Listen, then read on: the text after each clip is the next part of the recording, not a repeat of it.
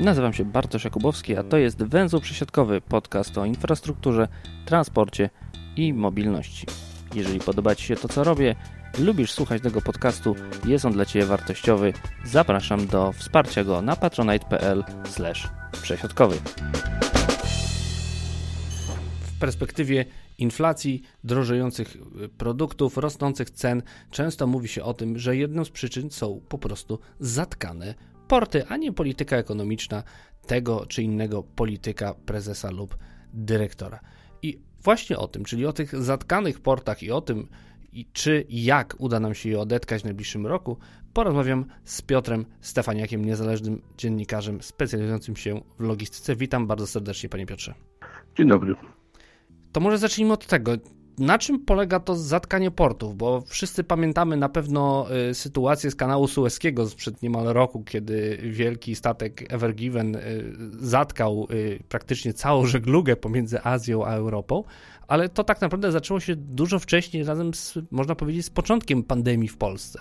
Tak, to, y, wypadek Ever Given jest bardzo spektakularny i dobrze się oglądał zarówno w internecie, jak i ewentualnie w jakichś innych miejscach. No bo jego wymiary tego kolosa, giganta przewozów towarów konsumpcyjnych w kontenerach to jest długość 400 metrów, a kanał w tym miejscu miał szerokość około niecałe 200 metrów, więc wiadomo, że stanął w poprzek no i zablokował było to jedna, był, była to jedna z, z przyczyn zakłóceń w globalnej logistyce, ale sądzę, że tych przyczyn jest y, wiele i układają się jakby kaskadowo, a wspólnym pierwotną jakby przyczyną jest jednak pandemia.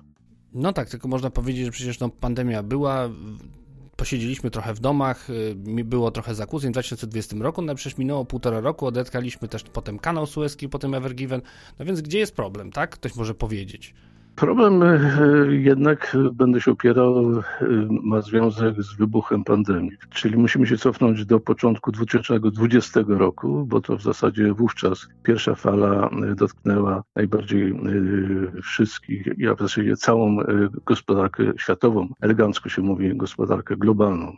Pierwszym impulsem było, było to, że fabryki chińskie stanęły, a Chiny e, nie bez kozery nazywane są fabryką świata. Tam powstaje najwięcej towarów, zarówno do bezpośredniego użycia, jak i przede wszystkim e, komponentów do produkcji finalnej w różnych miejscach świata. Stąd logistyka globalna miała takie, miała takie duże znaczenie i ma.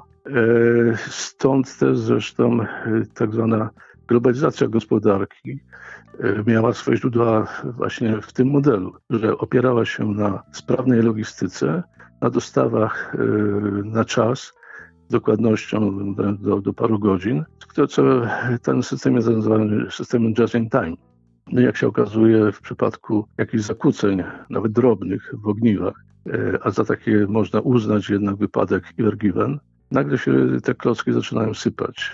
No i tak było właśnie na początku 2020 roku. Stanęły firmy, stanęły zakłady w Chinach, zabrakło towarów. Później był lockdown wprowadzony, bo to była pierwsza fala pandemii w Europie, więc y, również y, ograniczano konsumpcję, y, stosunki takie, jak to się mówi, społeczne, interpersonalne. Nie chodziliśmy do sklepów czy w ograniczonym zakresie. E, no, ale przede wszystkim zabrakło, zaczynało, zaczęło brakować towarów. I tak, tak się działo w zasadzie do, do maja, kiedy to ruszyły fabryki w Chinach i z poślizgiem ponadmiesięcznym zaczęły napływać, no między innymi do Europy i do Polski, towary z, tamtego, z, tamtego, z tamtej części świata, z tamtego kontynentu. Z drugiej strony e, e, między innymi Polacy, którzy musieli przybyć, wszyscy my musieliśmy być w domu, nie mogliśmy wyjeżdżać, były ograniczone możliwości korzystania z usług szeroko rozumianych, począwszy od kina, teatru, a skończywszy na wyjazdach zagranicznych, czy, czy generalnie na wyjazdach turystycznych nawet w kraju.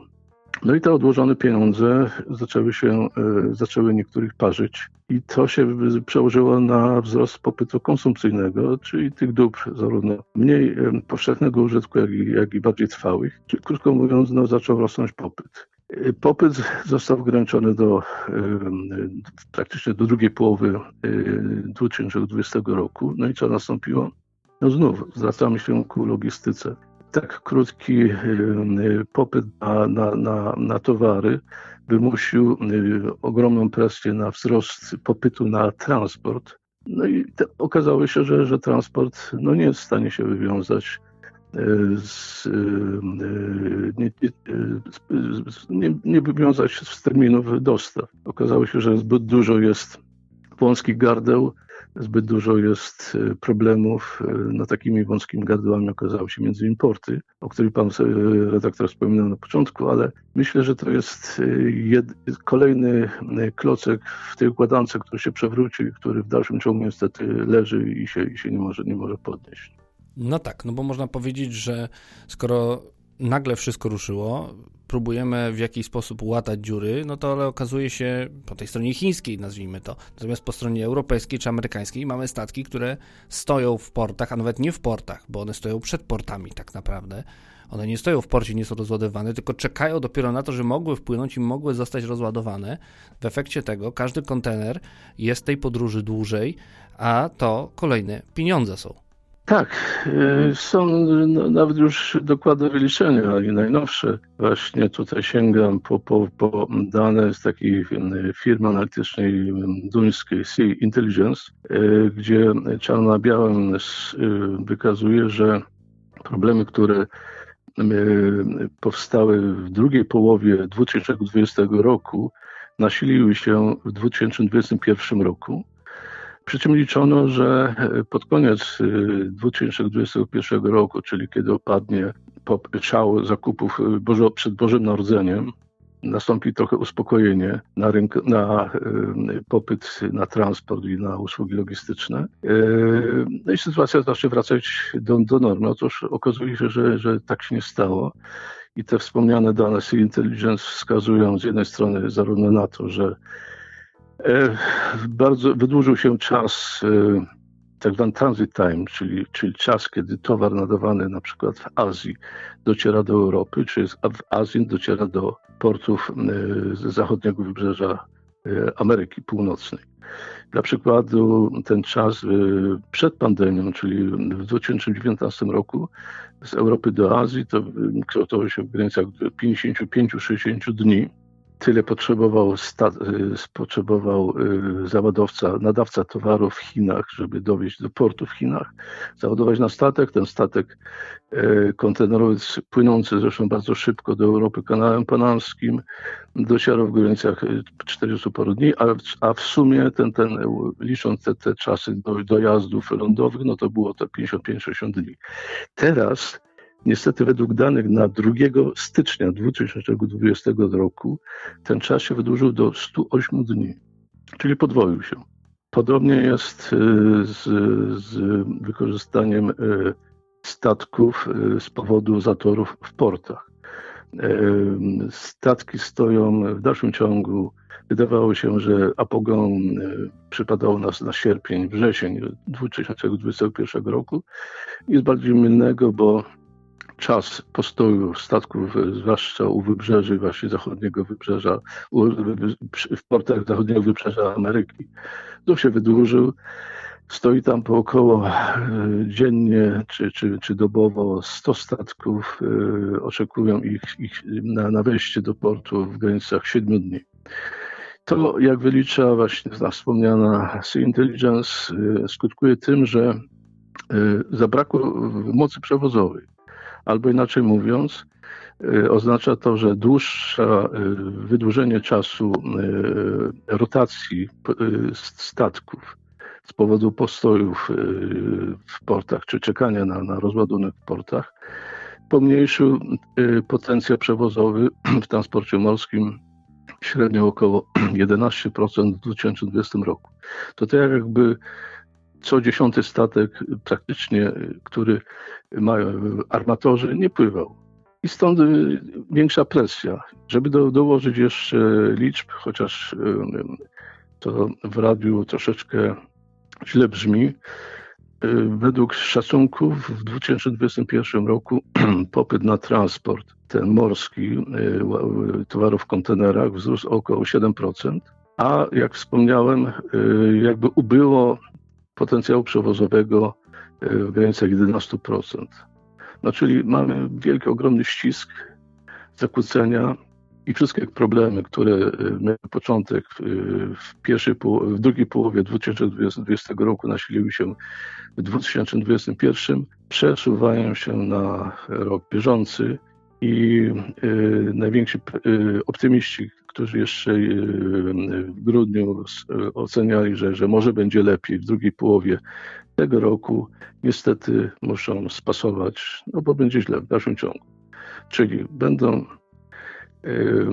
zarówno zakłócenia w, w terminowych dostawach towarów, ale pochodną tych wszystkich wydarzeń jest wzrost kosztów transportu. Czyli to z kolei przekłada się na oczywiście na, na wyrób finalny, który dociera do, do konsumenta ostatecznego. Ja tam z rozmów moich wynika, żeby przełożyć to na przykłady polskie, że jeden z polskich importerów obuwia roboczego, taki dość, dość typowy, nietypowy produkt, ale, ale charakterystyczny, wskazuje, że jego import z Chin w 2009 roku kosztował między innymi, płacił za wynajęcie jednego kontenera 2000 dolarów. E, przekładało się to e, na parę obuwia, które były upychane w tymże kontenerze, że, że, że do, do, do pary obuwia trzeba było e, płacić około 50, 50 centów Natomiast e, jesienią już ubiegłego roku, a i teraz na pewno więcej, bo, bo te ceny skoczyły, płaci za ten kontener prawie blisko 20 tysięcy e, e, dolarów, czyli musiał za parę obuwia żądać już 5 dolarów. Rozmawiałem niedawno z wielkim importerem z kolei polskim wyrobów odzieżowych, który ma zakłady produkcyjne głównie w Chinach, ale również i w Bangladeszu, czy, czy w tamtej części e, e, azjatyckich i mówi, że e, przed dwoma laty koszt transportu jednej sztuki koszuli z Azji kosztował około, wynosił około 2 zł, a dziś to jest 8-10 zł. No i mamy oczywiście klauz i problem, no bo w części importerzy E, nasi e, muszą kalkulować albo części e, przerzucają te koszty na odbiorców, na konsumentów finalnych, albo muszą rezygnować ze swojej marży. Jeżeli są to duże firmy, obracające dużymi partiami towarów i w miarę towarami drogimi, mogą podzielić się z konsumentami swoją marżą i, i trochę zniwelować dla nich wzrost cen zakupu. Natomiast istnieje groźba, że z rynku mogą wypadać tak zwani mniejsi, drobni importerzy. W literaturze anglosaskiej to są, są nazywani chudymi gęsiami. Mówi się, że e, po prostu dochodzi już, dochodziło już jesienią tamtego roku do wybijania stada chudych gęsi. Czy tak będzie w naszym przypadku? No, czas pokaże, to będzie trzeba szukać statystyk y, w liczbie słyszanych upadłości, zamykania firm. Przy czym oczywiście tu jest problem głębszy, bo tych powodów może być więcej, ale jednym z powodów bardzo ważnych będzie właśnie te zawirowania, wielkie problemy w globalnej logistyce. No tak, z jednej strony mamy rozwierające się nożyce, czyli mniejsze zdolności przewozowe i większy popyt na przewozy. Mamy też rosnące ceny frachtu, no ale z drugiej strony linie żeglugowe wcale nie mają się tak źle, bo okazuje się, że na tym całym kryzysie zarabiają i to całkiem nieźle, czyli jednak są tacy, którzy potrafią ten kryzys przekuć, można powiedzieć, taki sukces. Tak, no y, to już wcale nie jest teoria spiskowa, bo y, na początku tego kryzysu y, niektórzy właśnie importerzy spedytorzy, czyli klienci y, firm przewozowych, twierdzili, że padają ofiarą zmowy pewnej kartelowej. Musimy się cofnąć troszeczkę wstecz. W świecie przewozów drobnicy w kontenerach dominuje, dominuje zaledwie kilka, kilkanaście spółek żeglugowych. One z kolei są połączone w tak zwane trzy grupy, alianse i zachodzi pewne domniemanie, że co najmniej dwie, jeżeli się takie grupy y, dogadają, że na przykład nie podnosimy cen, albo że podnosimy ceny, no to wszyscy muszą się zachować, dostosować do, do, do, do, do, takiej, do takiej umowy pisanej, czy raczej niepisanej, nieformalnej. Przez lata całe y, ubiegłej dekady, czyli w latach między, między innymi 2010-2019, na rynku y, transportu kontenerowego była nadwyżka podaż zdolności przewozowych nad popytem. Ta, ta nadwyżka wynosiła e, różnie, w zależności od, od e, roku i kształtowała się od 2-3%, nawet do 9%. E, czyli była sytuacja korzystna dla wszystkich firm korzystających z transportu morskiego.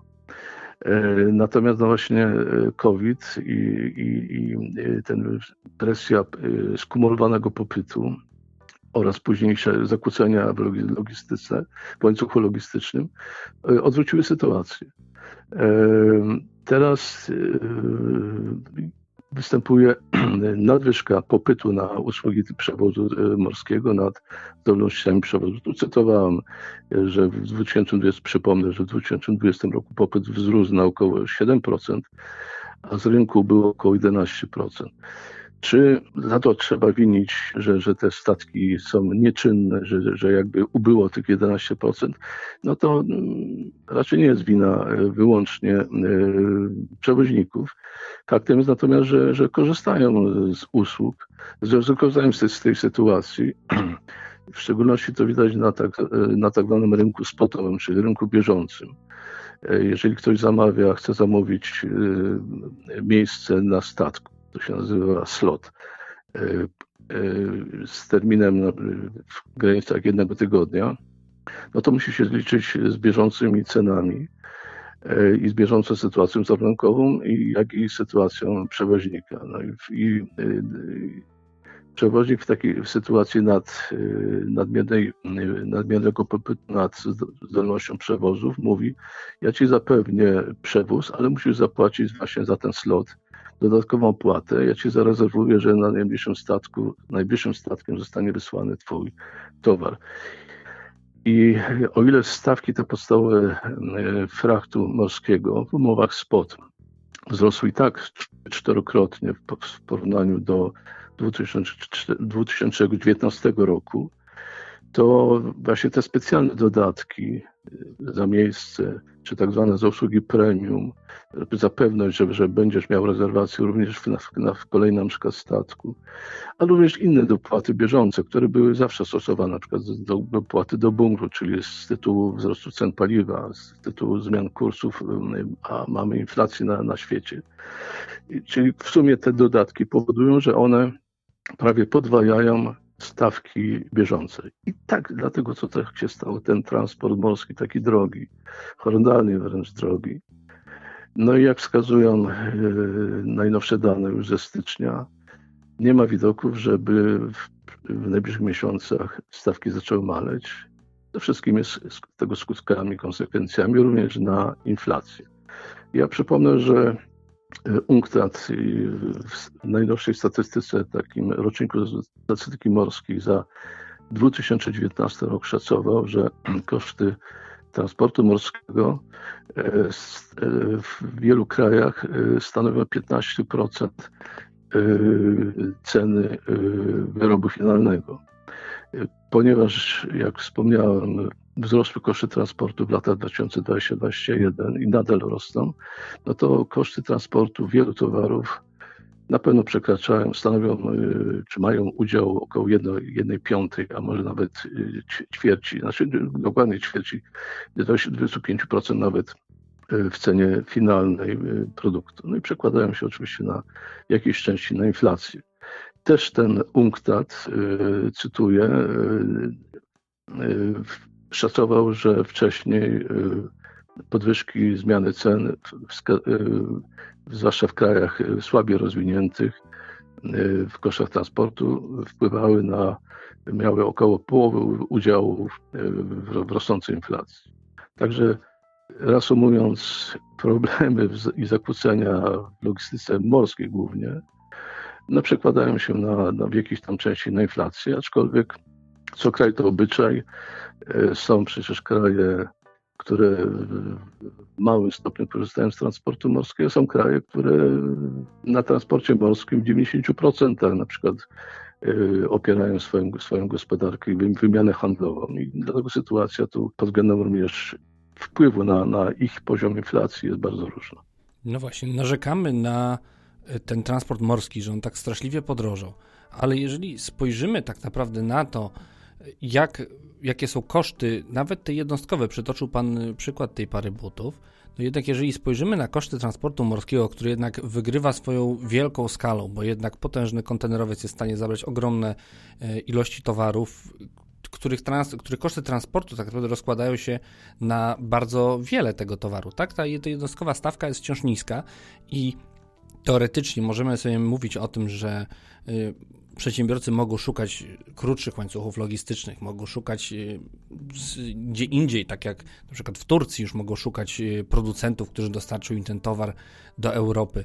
Natomiast pytanie jest, czy wciąż mamy alternatywę dla transportu morskiego, która będzie jednak tańsza, no bo jednak jakby nie patrzeć, wciąż transport kontenerów przykładowo koleją z Azji nadal jest droższy niż ten transport morski, który choć ogromnie podrożał ośmiokrotnie czy nawet dziesięciokrotnie, no to wciąż jednak jest tańszy.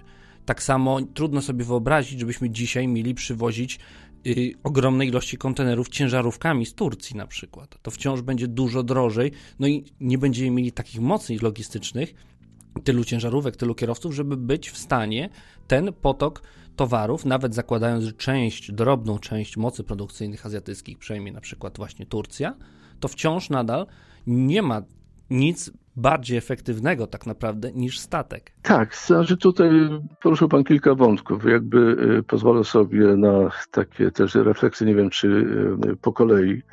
Y, po pierwsze, rzeczywiście efekt, koszt transport morski przeliczeniu na jednostkę ładunku, czy to będzie jeden kontener, czy jeden, jedna tona, czy jeden kilogram ładunku, jest najbardziej, naj, naj, najtańszy, najtańszy. Był to proces wieloletni.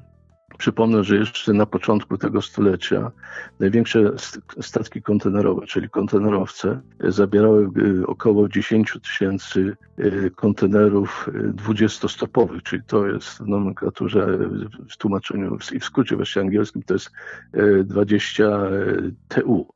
W ciągu 15 lat ta pojemność, ta zdolność przewozowa kontenerów prawie się potroiła. E, właśnie e, przed dwoma tygodniami chyba e, zwodowano największy kontenerowiec o pojemności zdolny przewozić 24 tysiące kontenerów, kontenerów. Dla uzmysłowienia kontener 20-stopowy ma około 10 metrów e, długości. Jeżeli by je ustawić jeden za drugim, wyładować, no to jest taka odległość jak, jak, jakby z Gdańska, powiedzmy, nie wiem, do Kwidzynia, czy, czy właściwie po, poza jeszcze, jeszcze gdzieś dalej.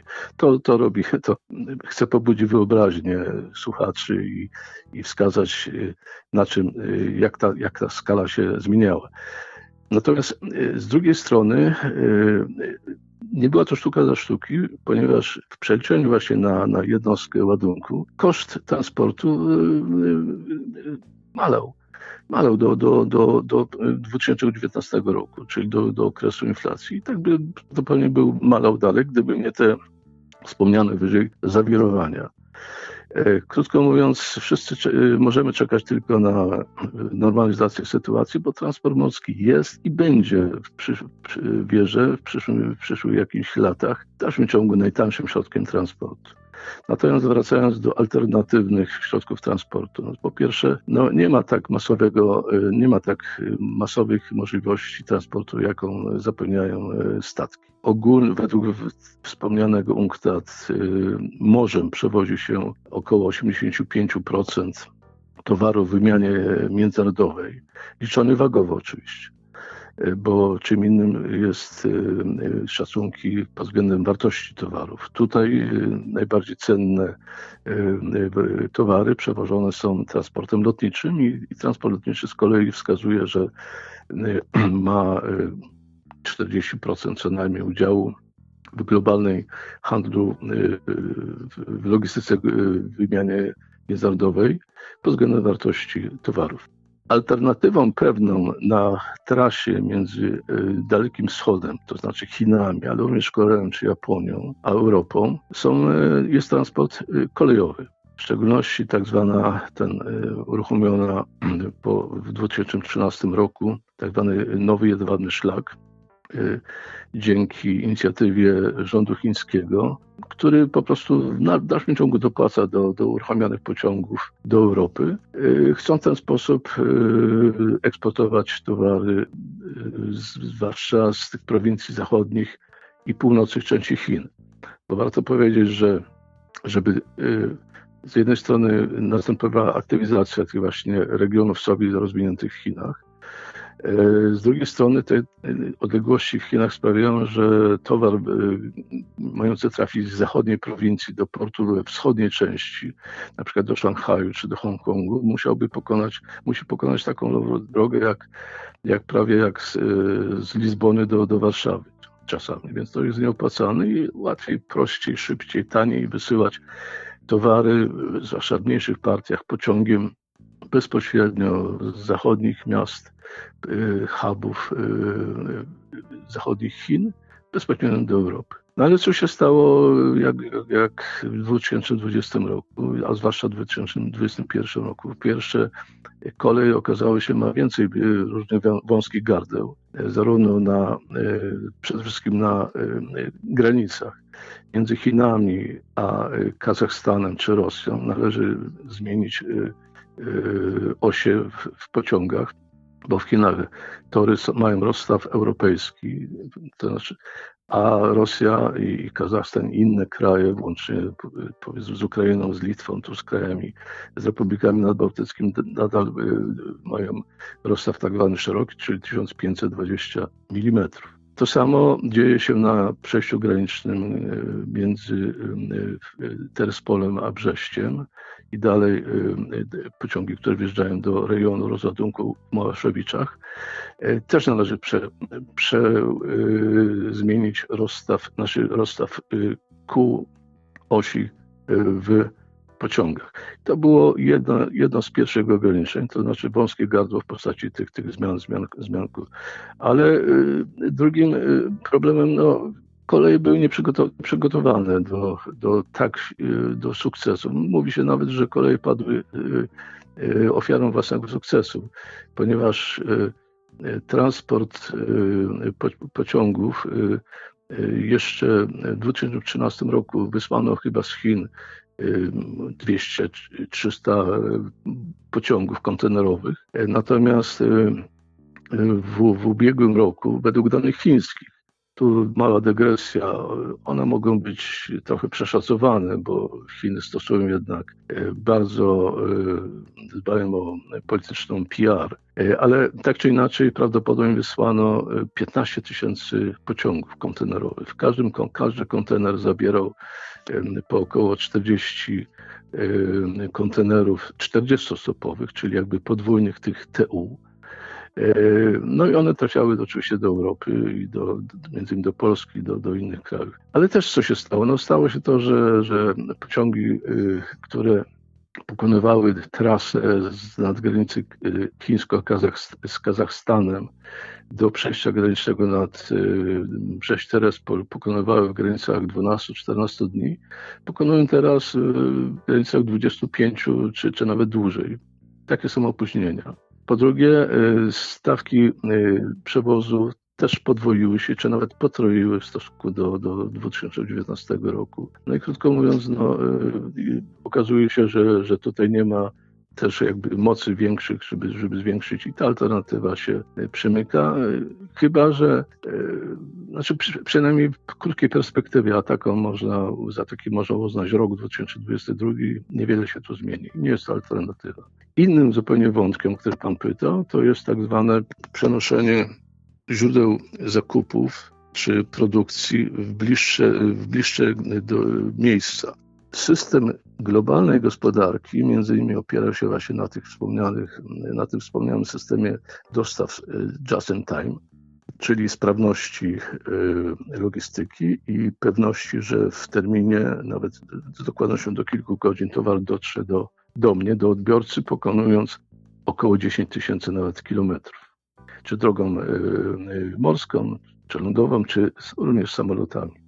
To się posypało, ale tak się posypało już po kryzysie 2008 roku. Już wówczas zaczęto mówić, że należy szukać Y, bliższych źródeł zaopatrzenia. Mówili to zarówno wielu, mówiło o tym wielu polityków i, biznesmenów w Europie, ale przede wszystkim w Stanach Zjednoczonych. Ten y, wątek bliższej produkcji nabrał na sile, w szczególności w Stanach Zjednoczonych, kiedy Donald Trump nasilił wojnę y, gospodarczą z Chinami.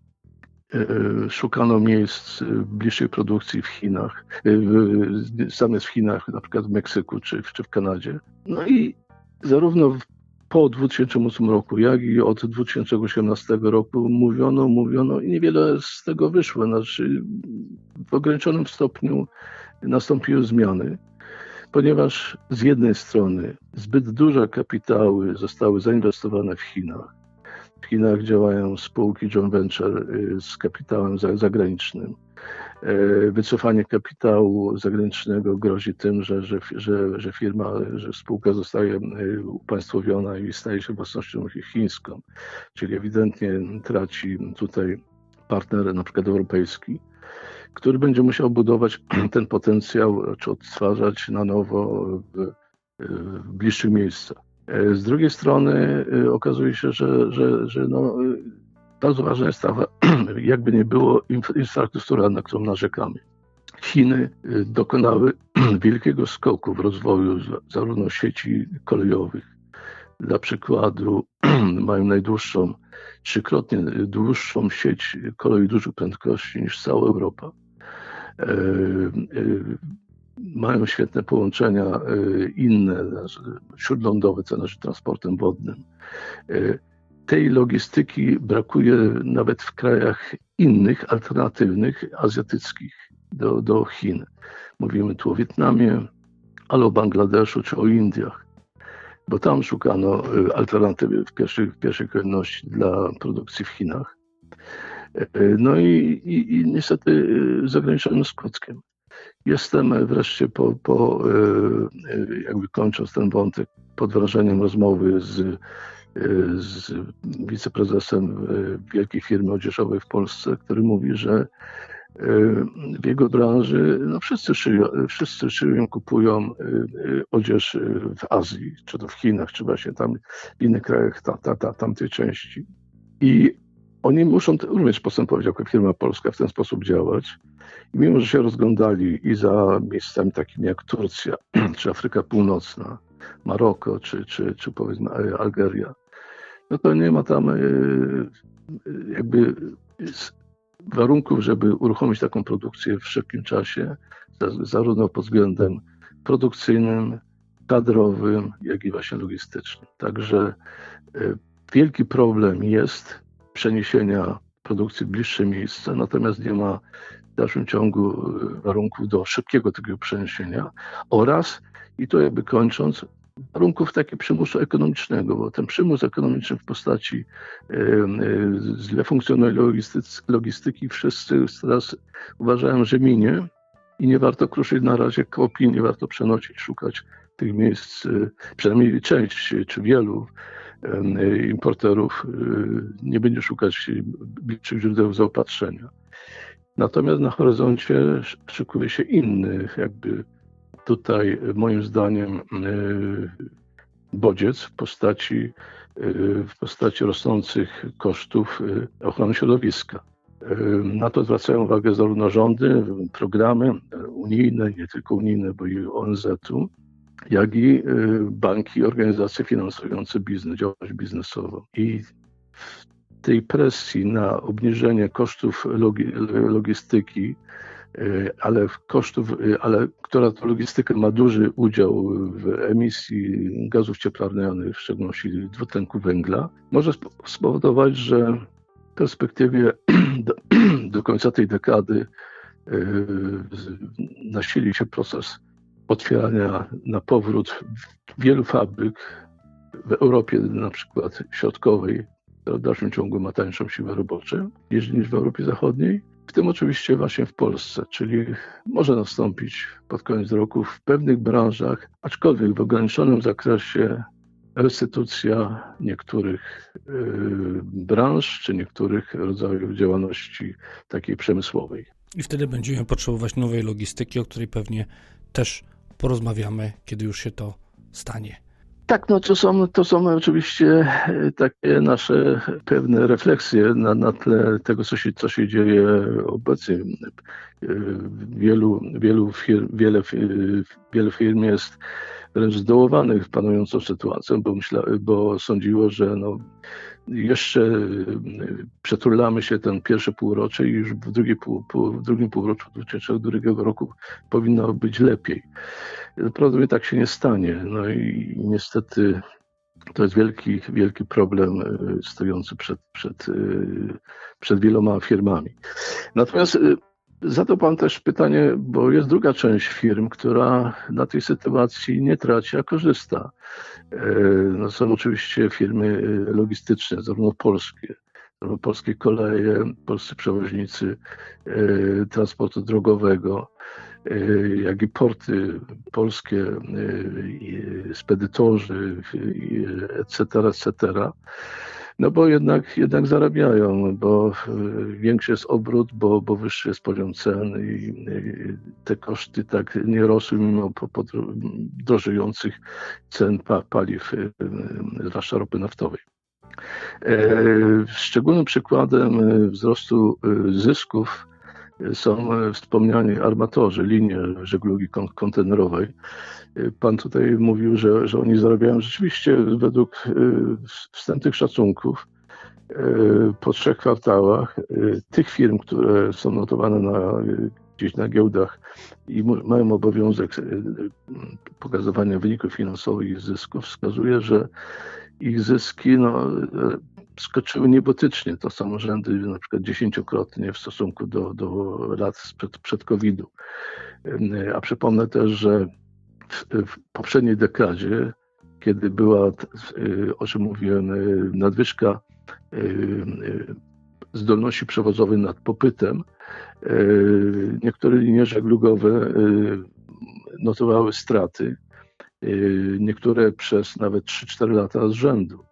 To było powodem, że albo one się komasowały, tak jak na przykład spółki przewozowe w Korei Południowej, albo upadały i zostały, albo były przejmowane przez, przez gigantów. W połowie ubiegłej dekady, czyli w latach między 2015-16 doszło do wielkiej koncentracji i, i z y, około 30 największych wówczas przewoźników y, mamy, ta lista się skróciła obecnie do około powiedzmy mniej niż 20 jest y, największych na, na, na przewoźników i oni, oni mają ponad 90% udziału w globalnych przewozach. A już kamyczkiem takim, y, którym zupełnie no, świeżym przykładem tego, jakie były zyski w ubiegłym roku, jest właśnie informacja, wczoraj, wczoraj znalazłem, że firma tajwańska żeglugi kontenerowej Evergreen udzieliła premii swoim pracownikom z tytułu ekstra zysków, jakie firma osiągnęła w ubiegłym roku, w wysokości 40-krotności miesięcznego wynagrodzenia.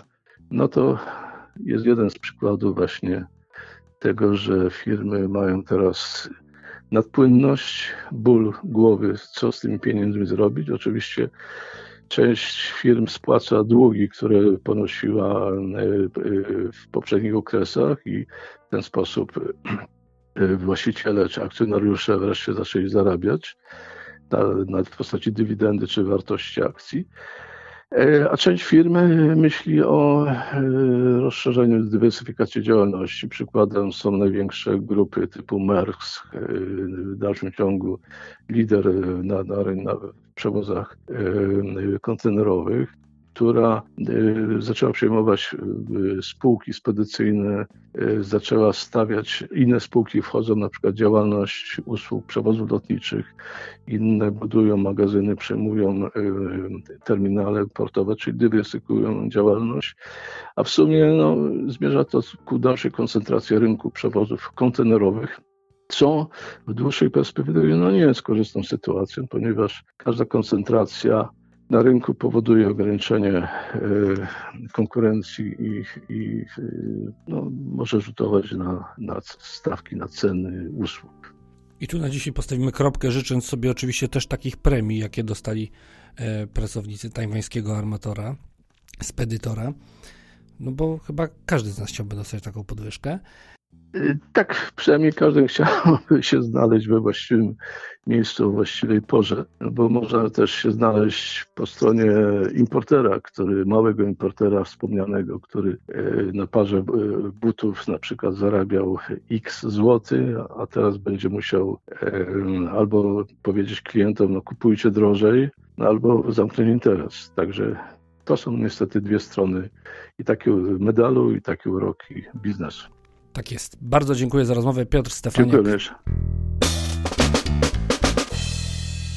Tradycyjnie na zakończenie nie może zabraknąć podziękowań dla patronów podcastu, a w szczególności dla tych, którzy korzystają z biletów okresowych. A są to Paweł Zegartowski, Paweł Szczur, Tomasz Tarasiuk, Andrzej Kaszpir, Kaźmierowski, Monika Stankiewicz, Paweł Łapiński, Peter Jancowicz, Janka, Jerzy Mackiewicz, Jakub Kucharczuk, Michał Cichosz, Piero, Łukasz Lipczak, Filip Lachert, Jacek Szczepaniak, Jurek Gozdek, Kuba Czajkowski, Piotr Rachwalski, Grzegorz Szoman-Kenik, Jakub Burciński, Jakub Madrias, Paulina Matysiak, MP, Michał Jankowski, Jakub Kundzik, Rafał Pierzcha, Barbara Jakubowska i Piotr Gramacki.